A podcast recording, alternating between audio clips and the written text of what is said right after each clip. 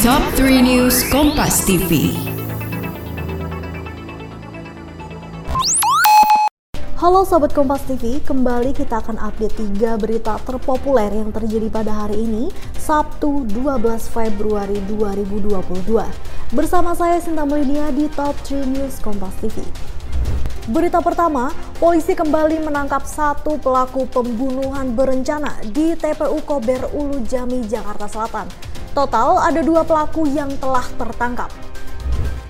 Polisi menyebut selain berperan sebagai penghubung dengan otak pelaku pembunuhan, pelaku diduga turut berperan dalam pembunuhan di TPU Kober Ulu Jami Pesanggerahan Jakarta Selatan. Saat ditangkap, pelaku melakukan perlawanan. Polisi pun melepaskan tembakan ke arah kaki pelaku.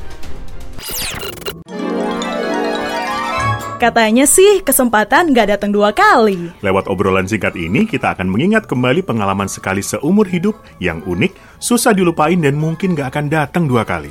Siapa tahu momen nostalgia ini bisa jadi pelajaran hidup yang reflektif sekaligus bahan hiburan. Di bawah santai aja sambil dengerin Daniel dan Sesa di podcast Momen, Satu Kali.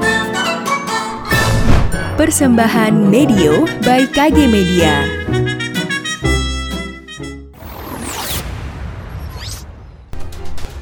Kita beralih ke berita selanjutnya. Kementerian Tenaga Kerja menerbitkan aturan tata cara persyaratan membayar manfaat jaminan hari tua atau JHT yang menyebutkan manfaat JHT akan diberikan 100% pada peserta BPJS Ketenagakerjaan setelah mencapai usia 56 tahun.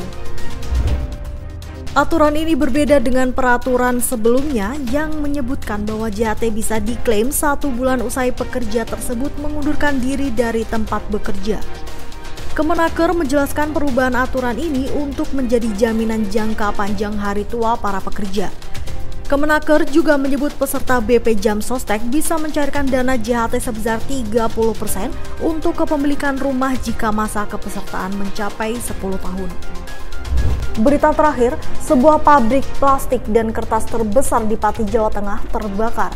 Diduga titik api berasal dari gudang plastik dan kertas yang tiba-tiba membesar.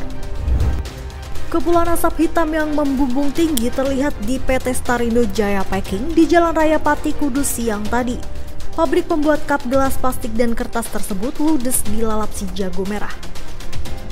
Diduga api berasal dari gudang plastik dan kertas yang membesar dan menjalar ke lokasi produksi serta ruang perkantoran. Banyaknya bahan yang mudah terbakar membuat api sulit untuk dipadamkan.